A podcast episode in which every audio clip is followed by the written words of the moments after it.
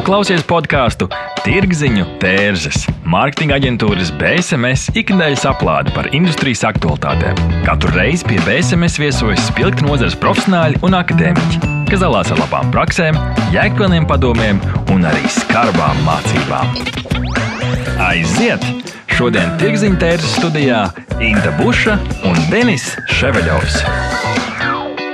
Par iepirkšanas internetu mēs, kā sabiedrībam, bija spiesti aizdomāties pirms diviem gadiem. Beidzot, komersanti varēja sasniegt cilvēkus, kuri dažādu apsvērumu dēļ vairījies internetu shoppingu. Atceramies arī dažādus internetu veikalu kolapsus, jo retais bija gatavs. Infrastruktūra nespēja tik galā ne ar piegādi, ne ar pasūtījumu apstrādi. Noteikti pieredze ir iekrāta. Liekas, ka tagad jebkurš bizness var pāriet uz e-komerci. Vai tā ir? Noskaidrosim šo tagad, 48. epizode kopā ar mūsu viesu viesim Māris Naglis, HTTP globālu klientu panākumu direktors un pirmais Latvijas e-komercijas gada balva e-komercijas zvaigzne 2021 žūrijas loceklis un Jānis Vanaks, reformu valdes loceklis, korporatīvas komunikācijas čempions. Sveiki! Sveiki! Labdien! Čau, korporatīvās komunikācijas čempions. Tā ir. Es skatījos LinkedIn un paskatījos, kā principā Jānis ir pirmais tāds uh, viens no spilgtiem runas uh, vīriem Latvijā, viņš daudz ko ir izdarījis man šķiet korporatīvās komunikācijas attīstībai. Nu, tā, tā, tā es gribētu ticēt. Bet pirmais jautājums, ko es gribētu sākt, kā mēs saprotam vispār e-komerciju, Māri? Mēs vai jūs? Vai visi? Kā, īstenībā, tas ir baigi labs jautājums, tāpēc ka katrs saprot par saviem. Bet uh, man šķiet, īstenībā viss ir vienkāršāk. Jo pirmais, vienmēr, kad mēs diskutējam par šo Latvijā, uh, pirmais jautājums vienmēr pajautāja, vai ss.com ir e-komercija. Un vēl pirms pāris gadiem es teicu, nē, tur taču nav pirkt pogas. Tas nav e-commerce, bet uh, realitātē, nu, kā e-komercija, tas vienkārši jebkura komercdarbība tikai elektroniskajā vidē. Tas noteikti ir gan uh, sludinājuma portāls, tas noteikti ir biznesa to biznesa arī aktivitātes. Ar jums aģentūra arī pēc būtības jūs nodarbojaties ar e-komerciju. Jūs nepārdodat uh, online, varbūt nevarat nopirkt jūsu pakalpojumu, bet tas ir e-commerce. Tā kā es teiktu, definīcija ļoti vienkārša, uh, jebkāda komerciāla darbība elektroniskajā vidē. Es varu tikai pievienoties, un uh, es domāju, ka tā ir arī darbība, kas arī daudz iet tālāk. To elektronisko vidi ir jāsaprot arī ne tikai tradicionāli, ko jūs varējāt izdarīt uh, uz desktop uh, un arī nu, teiksim, mobilajā telefonā, bet pilnīgi noteikti tas ir tas, ko jūs varat, varēs, varat izdarīt jau ar savu uh, vietu tālruni un, un, un vēl vairāk. Es domāju, ka nākotnē mēs redzēsim daudzas interesantas lietas, ja, ja mēs šodien redzam, ka uh, pandēmijas laikā uh, jau mēs varējām daudz plašāk arī medikamentus piedāvāt, daudz plašāk arī konsultācijas par, par, par veselības pakalpojumiem, kaut vai uh, rezervēt sev vizīti pie ārsta, ja, kas kādreiz bija vienkārši. Varbūt viena no grūtākajām lietām sazvanīt, sazvanīt ārstu, tad mūsdienās jau mēs redzam arī, ka mūsu Mm, viens no mūsu uzņēmumiem, viens no reformu uzņēmumiem, kas ir Veselības centra apvienības, jau šodien piedāvā arī rezervēšanu, um, rezervēt vizīti pie ārsta. Pat, pat tik vienkārši kā gripas poti,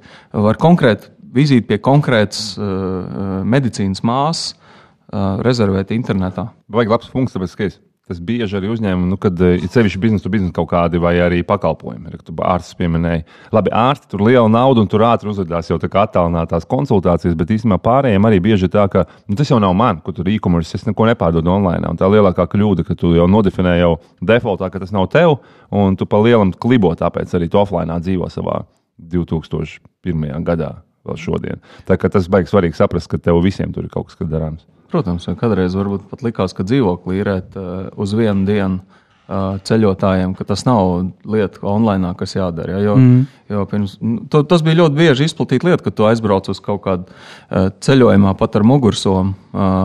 Uh, Izkāpt no vilciena pludmalē vai izkāpt no prāmja pludmalē, tur bija vesels bars ar, ar, ar vīriņiem un kundzītēm, kas ar plakātiņu stāvēja un, un izīrēja istabu par, par varbūt 20 eiro dienā. Uh, Un, un šodien viņi, neko, viņi ietaupa savu laiku, viņi varbūt tajā laikā uh, dara kaut ko noderīgāku, un, un uh, to izdara caur mobilo telefonu.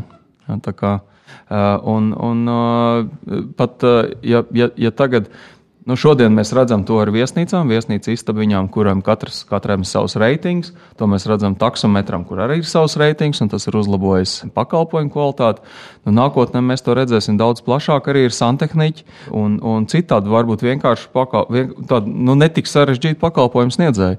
Jo arī, kā mēs zinām, labs santehniķis eh, arī ir eh, jāmeklē dažkārt. Nav tāda. Ne? Un, un, es nesaku, vai, vai arī labs apmetējs un labs krāsotājs. Ja? Tas, tas pats arī viņiem, kas, lai gan liekas, šodien varbūt mm, nepierasti, bet uh, arvien, arvien tālāk tas attīstās un attīstīsies. Ja? Tāpat kā tas attīstījās ar, ar labu ārstu un labu.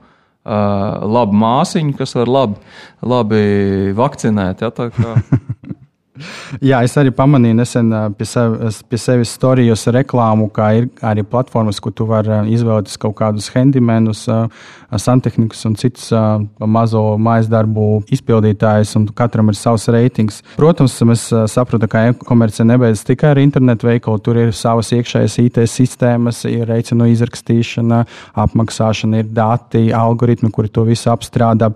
Bet um, kā vispār jūsuprāt Latvijā? ir kaut kādi tādi biznesi, kuri ļaus teikt transformāciju uz e-komerciju, kuri varbūt pirms tam vispār nebija digitalizēti. Ir tādi klienti, HTTP. Zikā, man liekas, tas jau tāds dabisks ceļš ir, bet varbūt pārfrāzējot, ja tev jautājumu, kuri varbūt vēl bremzē, es teiktu, ka nav tādas īstenībā lielas grupas, varbūt tieši pakalpojumu sniedzēji, bet Tīri no pārdošanas skatu punkta, es domāju, ka visi šobrīd tur ir mazāks vai lielāks. Tur jau nu, tur, nezinu, puķu tirgotājs vai tā saucamie small medium business. Nu, kā, man, manuprāt, šobrīd tas e-commerce jau viss ir tur tieši tāpēc, ka kas ir definīcija. Jo, kā, bieži atkal, man nav e-veikala. Tas nenozīmē, ka tev nav e-veikala. Tu, neesi, tu vari būt, šobrīd ir marketplace, šobrīd tu vari vispār bez veikala e, funkcionēt kaut kādā pašu e, Facebook palīdzību. Mm -hmm. nu, vai jebkuru citu platformu. Tā kā, e, man šķiet, ka šobrīd tādā primitīvā līmenī viss ir kārtībā. Nu, tādā basic līmenī Latvijā mēs esam uh, līdzi pasaules līmenim. Šobrīd viss digitalizējās.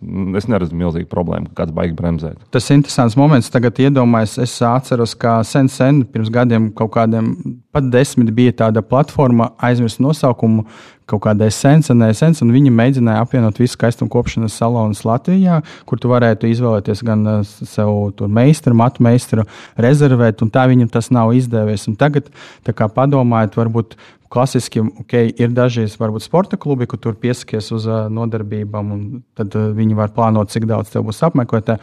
Bet um, frīzētājs, skaistuma kopšanas saloni Tas vēl joprojām, manuprāt, nav izplatīts. Un tā kā klausītāji, tas ir jums iespēja. Jūs varēsiet arī varbūt būt vēl uh, pieejamāki uh, savam gala patērētājiem. Bet man tos sliktas ziņas. Tas uh, ne, varbūt labas. Daudzas no tām lietām īstenībā mums arī tāda privilēģija. Mēs redzam, tur nu, nezinu, pat ne Latvijas, bet pasaules līmenī tur desmitiem tūkstošu to uzņēmumu, nu, burtiski desmitiem tūkstošu. Ir ļoti daudz, kas radās un pazūd. Nu, tā, kā, tā kā arī to, ko tu stāstīji, arī pakalpojumu sniedzēji un visādi tādas platformas ir bijušas, pat Latvijā ir bijušas. Mm -hmm. Vienkārši līdz tev viņas pat neaizgāja, viņas nomira. Kā. Kāpēc viņi nomira? Mm, nu, jūs jau to labāk zināt, mārketings. Nebija mārketinga, respektīvi, tā kā, nē, nu kā divas versijas, vai tas produkts bija nevienam nevajadzīgs, vai, Jā. vai arī ļoti švaki pasniegts. Kā, bet man liekas, bieži tieši otrā. otrā. Vai vēl, vēl, vēl trešā lieta ir tāda, ka dažreiz tirgus izmērs neļauj uh, uzturēt to. Viņam vienkārši tās, tās maržas, jeb tās peļņas procents ir tik neliels, ka vienkārši nevar atļauties to uzturēt. Un tas ir, mēs bieži redzam ar mazu tirgu. Un tāpēc arī uh, Mēs dažkārt to, to, to pamanām, ja, kāpēc mēs Latvijā par dažiem pakalpojumiem vai dažiem produktiem maksājam dārgāk nekā varbūt kādā lielā Rietumē Eiropas tirgu vai Amerikas tirgu. Tas ir mazs tirgus nu, trūkums. Un tāpēc arī viena no lietām, arī, kad, ko, es saku, ko es šobrīd pievienojos veselības aprūpas sfērai, tad viens, viens ļoti liels fokus, kas ir manā ikdienas darba kārtībā, ir kā padarīt to, to biznesu lielāku nostiprināt klātbūtni arī Baltijas jūras reģionā, lai tas, būt, tas bizness būtu lielāks. Un, un tādā veidā tur, tur būtu tāds mēroga ekonomika, un tad uh, pakalpojumu varētu padarīt vai produktu, uh, vai tās būtu aptiekas vai klīnikas, lai to varētu padarīt lētāk un lai tas uh, um, arī nu, patērētājiem būtu pieejamāks. Ja? Mm -hmm. Un tad, un tad, uh, tad, kad tev ir liels bizness, tu vari palaist tādu produktu kā, piemēram, pierakstīšanās pie ārsta online. Ja? Tas, tev, tas tev tomēr aizņem ļoti mazu daļu no, tavu, no, no taviem biznesa uh, izdevumiem. Savukārt, ja tu esi viens frizieris un tev uztaisīt vienu jaunu rīku, un tad viņu administrēt, un vēl kaut kas, tas, protams, ir ļoti, ļoti dārgi. Un, un nevis, nevis to var atļauties, ir sevišķi, ka tev ir jākonkurē ar cenu, jāievēro veselības prasības, drošības prasības pandēmijā un tā tālāk un tā joprojām.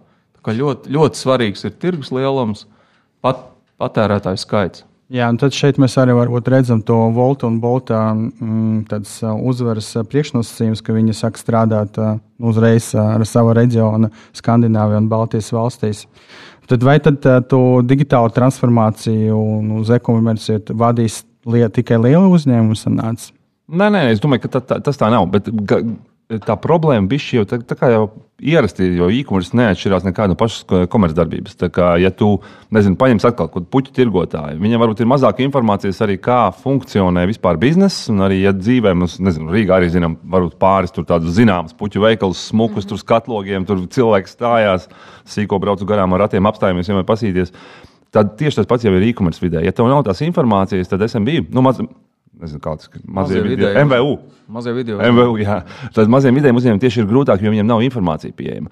Un tas, ko mēs teku tepat ar jums, kamēr kafiju dzērām, runājām, ja būt, ir vajadzīgi tādi update arī no mārketinga viedokļa, no biznesa viedokļa, no e-komercijas viedokļa, tirgumu, kur cilvēks primitīvā, vienkāršā formātā var saņemt, ko man dara, basic, kas man jādara. Jo, nu, nu, arī to, to pašu uzstādīt puķu veikalu, nu, ko, nu, tas ir komplicēti. Mums tas liekas vienkārši, varbūt, Bet cilvēks, kas nenodarbojas ar digitālajām vispār lietām, nu, viņam tas ir kosmos.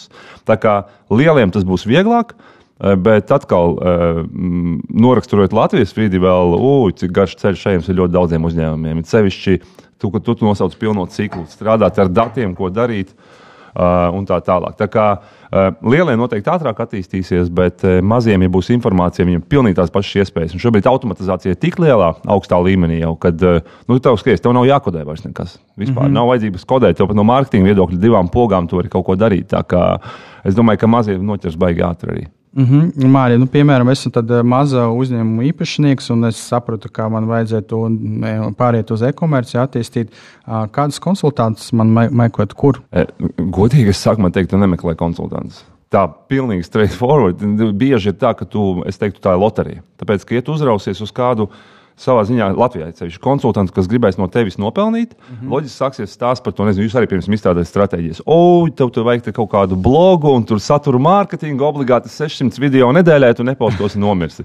es nesaku, ka jūs to darat, bet, nu, principā, protams, ka izstrādājot stratēģiju, tas ir vajadzīgs. Tāpat laikā tas ir bieži arī nu, savā dzīves ciklā e-komercā to ievērojis tu sāc būvēt tur kaut kādu customu risinājumu, tad man te būs bloks. Viņš tur nomirs pēc, nu, jūs par blogiem zināt, noteikti vairāk kā es. Viņš nomirs pēc 13 dienām vienkārši. Un tā ir tā problēma, ka dažreiz pārāk plaši paskatās. Es teiktu, pašam jāizdara bišķi mājas darbs. E, angliski, ja tu runā, nu šobrīd vispār nav nekādas problēmas nosēžot informāciju un izmantot pēc iespējas es atkal nezinu, Latvijas kādā ģenerika tādus risinājumus, lai tu, nezinu, uzliec to Shopify platformu, vēl ko tam līdzīgu, vispārējais, ka neej pārāk customizēt, sākumā, kad tas ir maziņš. Bet tad, kad jau izaugs, tad jau var sākt domāt par nākamajiem soļiem. Tā ir tā problēma. Mēs nedaudz jau pieskārāmies uh, arī tām niansēm, kas ir jāņem vērā. Mārmīt tikko minēja, vai ne? Kas būtu Jānis no tavas puses, ko tu labprāt papildinātu un teiktu, lūk, šīs ir lietas, ko noteikti visiem e-komercijas veidotājiem vai cilvēkiem, kas mūs tagad klausās, un saka, ok, šis ir viss ļoti svarīgi, ko man tagad darīt, ar, kas man jādara, kas man jāņem vērā? Nē, nu, pats pirmais un galvenais uh, iziet ārā un runājiet ar savu klientu. Un pajautājiet, kas, kas viņam ir svarīgs. Jo, ja jūsu klients ir uh, nu, jaunietis un viņš ir, uh, viņš ir TikTokā, ja, Eh, tad pajautājiet, kādu veidu, nu, kādu veidu materiālu viņš tiktu patērē. Un, un, un, tas ir tas, kā, arī, eh, kā man izdevās pārliecināt savus kolēģus mazumtirdzniecības uzņēmumā, kas bija man iepriekšējā darbvieta, kur es strādāju valdē. Tad es varēju ieteikt saviem kolēģiem mārketingā, tad sāciet lietot TikTok, jo mums ļoti liela daļa no klientiem ir TikTokā. Ja savukārt, ja mēs strādājam Eh, veselību, ja es strādāju veselības aprūpē, un tur uh, ir cita demogrāfija. Tomēr sudraba paudze ir dominējošā, ja, kur ir nu, vecāku gadagājumu cilvēki. Tad, tad, protams, viņi paši varbūt TikTok nelietos, bet savukārt viņu bērnu mazbērnu lietos. Un, un, un, uh, tur ir svarīgi tieši pielāgot to, to vēstījumu, to, arī tos risinājumus. Ja, ja mēs, um, nekad nevar, nekad, ko, es, ko, ko es varu teikt no savas pieredzes? Nekad uh, nevajadzētu vadīties no stereotipiem. Ja, kad uh, jūs domājat, ka, ka, ka jūs, teiksim, jūsu klients, ja ir sudraba paudze, tad viņš darīs tā, tāpēc, ka es tā esmu iedomājies. Tā nav. Vislabāk, vislabāk to var uzzināt, vienkārši iziet ārā un ar viņu aprunājoties, pajautāt, kas ir ērti, ko jūs lietojat, uh, kas ir jūsu piemērotākie risinājumi, un uz, uz, uzzināsiet patiešām, patiešām ļoti daudz, kā es, kā es esmu pārliecinājies arī pat piemēram pirms gadiem, 15, kad es uh, sapratu, ka uh, jo tālāk no varbūt pilsētām, tālāk no reģiona centriem, jo vairāk cilvēkiem ir interese lietot internetbanku. Ja? Un tas bija ne, ne tagad, pirms 15 gadiem. Mm -hmm. un, un man liekas, ka viņiem taču visticamāk nav internets, bet nē, izrādās viņiem ir, tur bija labs kabels, un, un, un, un viņiem līdz bankai bija jābrauc ar mašīnu 30 minūtes jā, par sliktu ceļu. Tā kā... pirms 20 gadiem, citu baigi, labi pateici, pirms 20 gadiem bija vieglāk. Tāpēc pirms 20 gadiem, zinu, bija Latvijā arī tas mums, eh, ka priekšnieki visi devāja pirksim reklāmu. Latvijas sakot, pirksim reklāmu bez devāja. Ja? Bet, eh, bet eh, es lasu dienu un skatos panorāmu. Un tā bija tā lielākā problēma. Tas arī aģentūras no medaļu puses nu, saņemamies, lūdzu, atbilstoši auditoriju. Šobrīd, protams, tas ir grūtāk. Tagad tu pateici par TikTok, piemēram. Starp citu, TikTok šobrīd tieši e-komersā no reklāmas viedokļa dažās specifiskās grupās performē daudz labāk nekā jebkura cita platforma. Un tas daudziem vispār ir nu, tāds tā kā kosmos. Kāds TikToks es viņu neesmu redzējis, neesmu atvēris. Eh, bet, ja tu to nezini, tieši tā, ka tu varbūt ar saviem kādiem pieņēmumiem sevi izslēdz ārā. Jā, un, un protams, arī.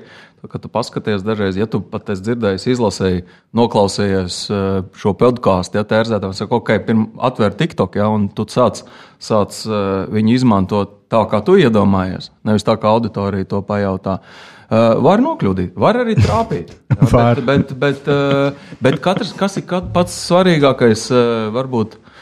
Es teiktu, tā, nekautrēties arī sākumā kļūdīties. Nu, tā, bet galvenais ir sākt. Nu, nevis. Nu, jā, bet tev vajag stratēģiju. Redzi, man liekas, Latvijā tā ir tā problēma. Aiziet, nu, tā kā man vajag digi, digi, tas vārds digitālā transformācija, kā man viņš tracina, reāli. Nu, tas vārdu salikums, kā, ko tas tieši nozīmē, ko jūs runājat. Bet man liekas, tā stratēģija pats būtiskākais, ka, kāpēc to vajag. Nu, vienu piemēru pievadīšu. Es tagad esmu atkal mazais vidējs uzņēmums apsēsties kaut vai, nezinu, pabrēnsturmo draugu vidū, vai ar, kas kaut ko bišķi vairāk zina, vai arī ar konsultantu kādu parunāt vienkārši. Nu, man vajag savu veikalu, vai es iešu uz marketplace, piemēram. Nu, marketplace tādā ziņā, ka šobrīd ir daudz, tas pats Amazon tipa, kur Latvijā arī tur pigu, nu, 220, vēl citas. Yeah. Varbūt man nevajag savu nekādu vidi uzturēt, nulle. E, protams, noliekot klāt arī kaut kādus mīnusiņus, ka tad es esmu atkarīgs no viņiem visu mūžu, tad arī es e, nevaru, varbūt man atkal savādāk mārketinga stratēģija, bet salikt savu stratēģiju, kuras iešu un kas ir drošākais.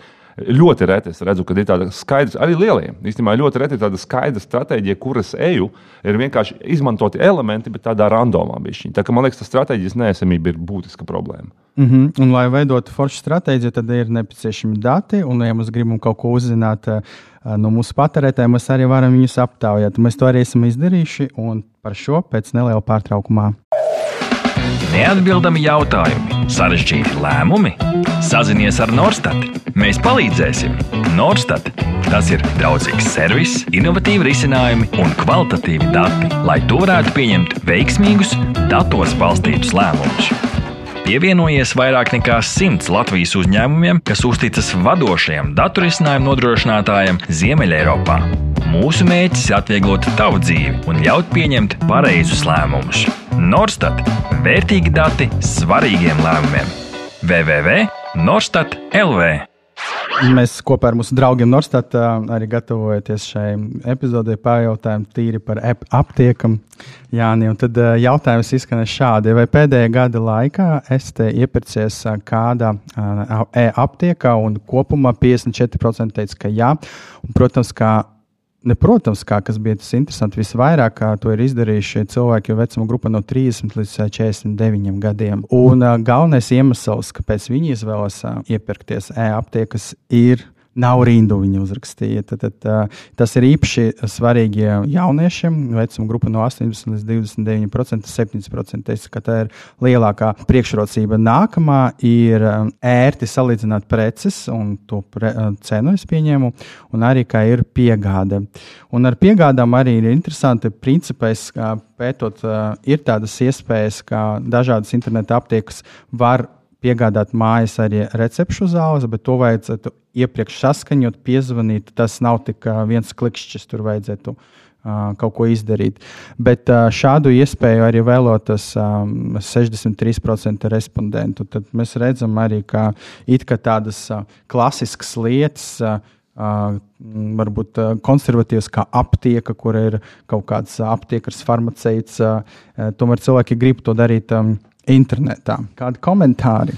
Pirmkārt, pat galvenā lieta ir runājot par e-komerciju un, un medikamentiem. Protams, tā ir, tā ir nu, fokus ir uz, uz veselību kā prioritāti un, un, veselības drošumu kā prioritāti. Un, protams, tā ir ļoti stingri regulēta nozara. Tur ir likums, paredz, kā vispār var recepšu vai bezrecepšu medikamentus piedāvāt patērētājiem. Kāda ir ierobežojuma? Ierobežojumi ir vairāk nekā tas, kas ir atļauts. Mm. Un, un ļoti svarīgi ir tas, ka šobrīd arī uh, obligāti uh, patērētājiem uh, ir jāpiedāvā farmaceita konsultācija.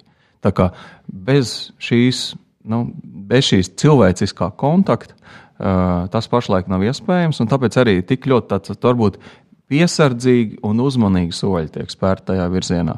Un, un es pilnīgi varu piekrist. Tas ņemot vērā, ka tā ir tik ļoti sociāli jūtīga tēma un arī citā ziņā cilvēcīgi jūtīga tēma, ka, cilvē, ka nu, šeit ir ļoti rūpīgi tam regulējumam jāseko līdzi, un viņam jābūt tādam, tie solīši jāspēr ir nelieli. Kaut gan mēs ejam tajā virzienā, mm -hmm. ka arī daudzas lietas, kas kādreiz nebija pieejams internetā. Tagad caur, pilnu, nu, tā, caur autentificēšanos, caur banku, Jā. ieejot platformā, ir iespējams saņemt.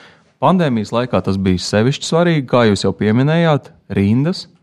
Rindas ne, nebija atkarīgas vienmēr no eh, cilvēku skaita pie tirgotāja vai veiklā. Dažkārt rinda aptiekā uh, bija atkarīga uh, no likumdevēja, no valdības izdotiem noteikumiem. Eh, jo mēs nav noslēpums, ka cilvēku aptiekas ir tur, kur pulcēs cilvēki, tātad tirzniecības centros. yeah. Tirzniecības centrā nevarēja tikt iekšā, tāpēc ka paralēli bez aptiekas uz tirzniecības centra bija jāiet arī nopirkt maizi un, un ikdienas pārtika, produkti. Un dažkārt tas bija ierobežojums, ja, tu nevarēji tikt līdz tai, tai, tai aptiekai. Tā kā tas jautājums nav viennozīmīgs, bet pilnīgi noteikti arī šajā lietā mēs ejam uh, lielākas digitalizācijas virzienā. Redzēsim, kā, kā tas, kāda vēl būs secinājuma pēc, pēc, pēc pandēmijas, bet pilnīgi noteikti mēs redzam, jā, ka šobrīd uh, tas jau tiek stipri aktīvāk izmantots. Un atkal, jautājums ir, mm, tur ir izmaksu jautājums, medikamentu pieejamības jautājums, jo skaidrs ir tas, ka uh, uh, vien, vien aptieku uzturēt tajā vietā, kur ir daudz cilvēku, kur viss sabrauc vienā tirzniecības centrā, tas ir lētāk.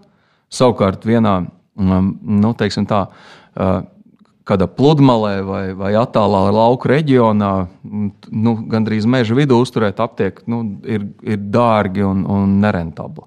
Un tur ir ļoti svarīgi, ka ir tas digitālais risinājums. Ja? Jo, jo, jo um, cilvēks pat tiešām sēžot jebkurā savā lauku mājā, vai vasaras mājā, vai pastāvīgā mājā, viņš var, var uh, pasūtīt internetā, un viņam saņemt to tuvē, tuvākajā aptiekā, kas varbūt reģiona centrā, vai viņam atvedīs ar piegādi vai kurjeru. Tas, es domāju, ka tas ir tas virziens, uz ko mēs pilnīgi noteikti ejam. Mm -hmm. Mēs arī redzam, ka principā alkoholu tagad arī var nopirkt internetā, un tur arī kaut kāds risinājums bija atrasts. Un, un es domāju, ka jā, es eh, pats arī man bija pagodinājums piedalīties tajā, tajā, tajā procesā, jo tas bija tieši uz Covid, eh, COVID pandēmijas sākuma, ja, kad tiešām bija ļoti svarīgi, ka Latvija un Polija bija divas vienīgās valsts Eiropā, kur to nevarēja izdarīt. Visur to varēja, visur varēja autentificēties ar savu vecumu un, un iegādāties uh, alkoholiskos dzērienus. Starp citu, šis ir uh, labs piemērs. Tu vienmēr nezini, kāpēc viņš ir alkohola izvilka, bet uh, labs piemērs, jo tas ir piemērs, kā arī mainās patērētāji ieradumi. Es nezinu, kā jums, bet, piemēram, es tagad online pērkot pārsvarā nezinu, vīnu. Es nekad klātienē mūžā tik daudz neesmu līdz savā grozā iekšā. Ar klikšķiem ir baigi viegli. Ir seši šitie, seši šitie, seši šitie, un tev atnāk tur konteiners. bet klātienē tu nelādēsi iekšā savu pilnu grozu. Tas maina arī tavu paradumu. Pēc tam citu šitas tavs, jūsu pētījums. Viena A4 lapa, varbūt, zin kā, ok, viena A4 lapa, trīs jautājumi. Bet man baigi patīk, jo no šitā arī, teiksim, tām pašām Tad tur apakšā tāda pat lapiņa. Bet, ņemot, ņemot, vērā, jā, ņemot vērā tās, tās atbildes, es pat teiktu, es vienkārši savilku, kamēr tu runāji. Vai es ļoti smuku stratēģiju uzzīmēt jau mazai e-aptiekai no šejienes viena, jo tu saliec savas prioritātes, piemēram, ka tu redzi, kurām grupām tur ir svarīga cena, jaunākiem, vecākiem. Uzreiz tu zini, ka tev ir klasiski e-aptieka, nu, kaut kāda headline arī būs. Nu, tāpat kā es pērku, nezinu, kopējā e-commerce veikalā, kāpēc batuti vasarā, neviens jau tos, ne, ne jau neviens, bet batutus ir ļoti reti pērk, bet visi domā par viņiem. Un tad batuts ir lēts, tā tad tev ir asociācija, ka šeit viss ir ļoti pieejams.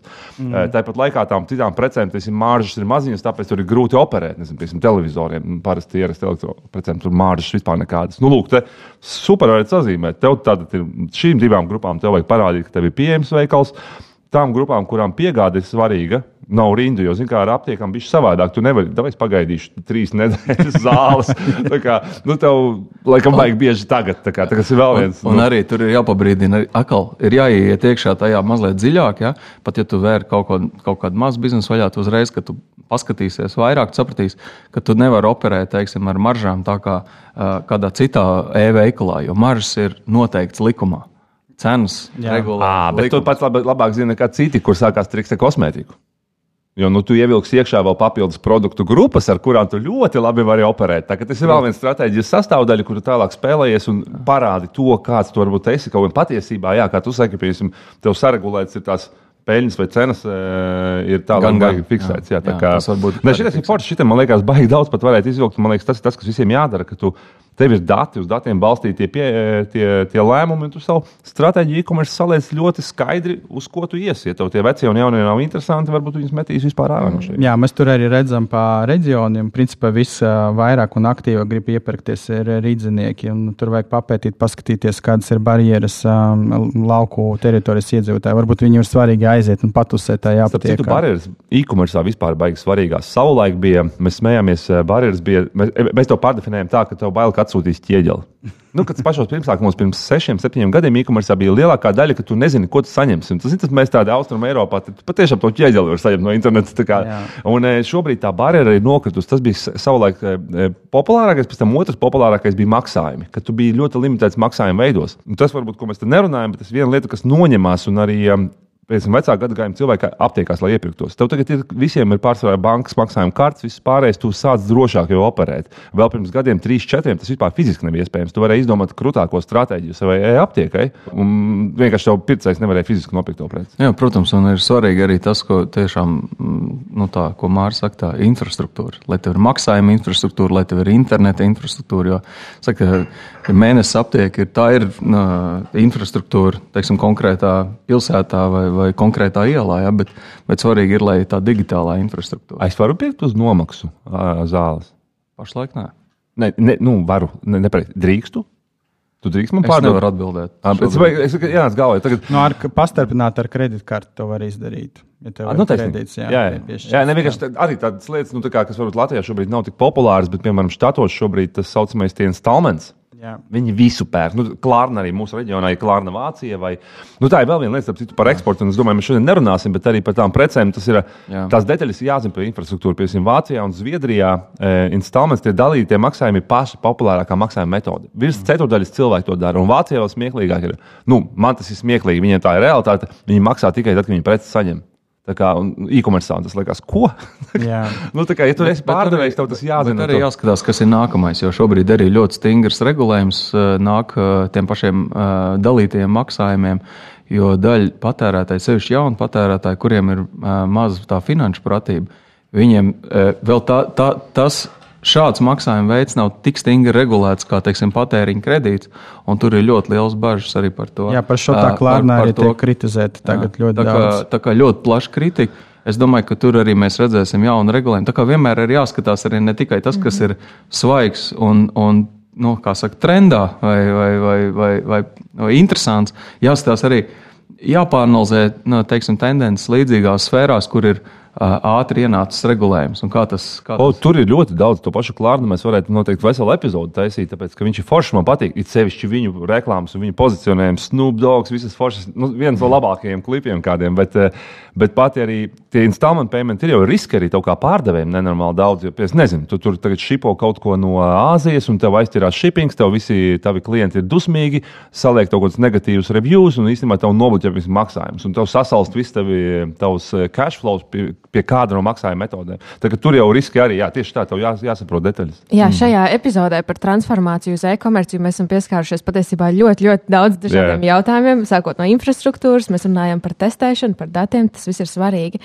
Un uh, finišējot jau šo epizodi, kas būtu tie jūsu galvenie ieteikumi vai tādi ceļa vārdi mūsu klausītājiem, Ko jūs noteikti gribētu uzsvērt? Jāni? Runājiet ar klientiem, klausieties savos klientos, bet arī vienlaikus domājiet uz priekšu, domājiet par lietām, kuras uh, vēl šobrīd nav izdarīts. Un, kāds, un, un skatieties uz tirgiem, kur jums liekas, jā, kur notiek interesants tendences. Tā, tā kā lai varētu uh, no tā iedvesmoties. Nu, es laikam trīs lietas, kas ir vairāk tādas atkal ģenerika, nav tikai par e-aptiekām, piemēram, bet viena lieta, kas jau minēja stratēģija, ir, lai ko, ko dari, izstrādā, padomā, kāpēc to dari, kaut vai tas ir primitīvi, bet lai ir.